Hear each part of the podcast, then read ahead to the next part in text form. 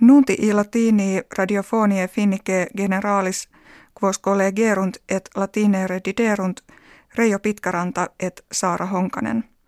In studio Helsinkiensi est etiam suvirandeen. Die lune post meridiem in media urbe Petropoli ictus terroristicus factus est. In tramine subterraneo bomba displosa est, cuius vis tanta erat ut quattuordecim homines ocide rentur, et amplius vigvaginta vulnera rentur. Agebatur de aggressione suicidiali ut magistratus postea confirma verunt. Post stragem ferrivia subterranea totius urbis clausa est, et mille ducenti homines loco discedere jussi sunt. Petropoli tridui tempus lugendi indictum est.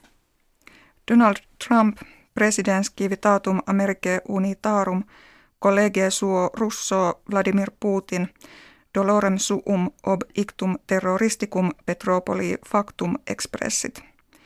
Inter se consenserunt necesse esse, ut adversus terrorismum viribus conjunctis strenue pugnaretur.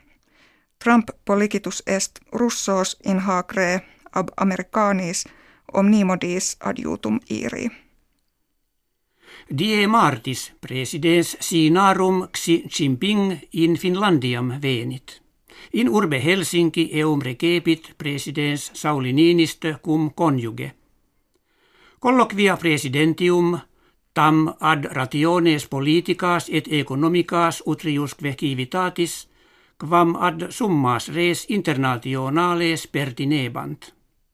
Die jovis hospes sinensis iter in civitates Americae unitas versus continuavit. Rodrigo Duterte, presidens Philippinarum, bellum crudelissimum cum mercatoribus narcoticorum gerit. Amplius octo milia hominum vitam amisisse existi mantur, postquam ille mense junio munus suscepit.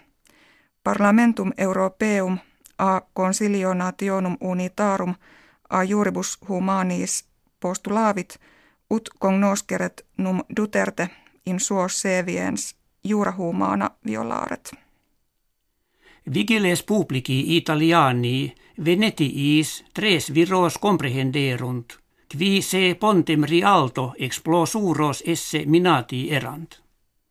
Magistratus narraverunt viros captos e Kosovia legaliter in Italiam immigravisse, sensimque in fautores ordinis isis conversos esse.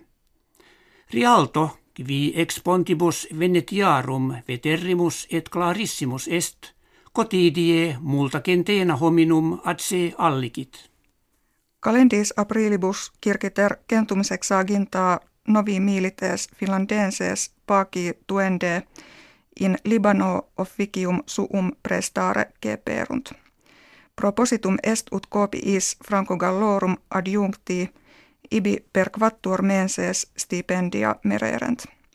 In presenti in Libano omnino trecenti quadraginta tuta tores pacis finlandenses militant. Infantes in Britannia, Canada, Italia venati, primis duabus septimanis plus plorant quam in aliis terris industrialibus fieri solet. Singulis diebus enim si plurimum quinas horas ejulant, minimum autem scillicet cotidie nonnisi semi horam, vagiunt neonati dani germani japonienses. Hoc ex investigatione in Britannia divulgata patet.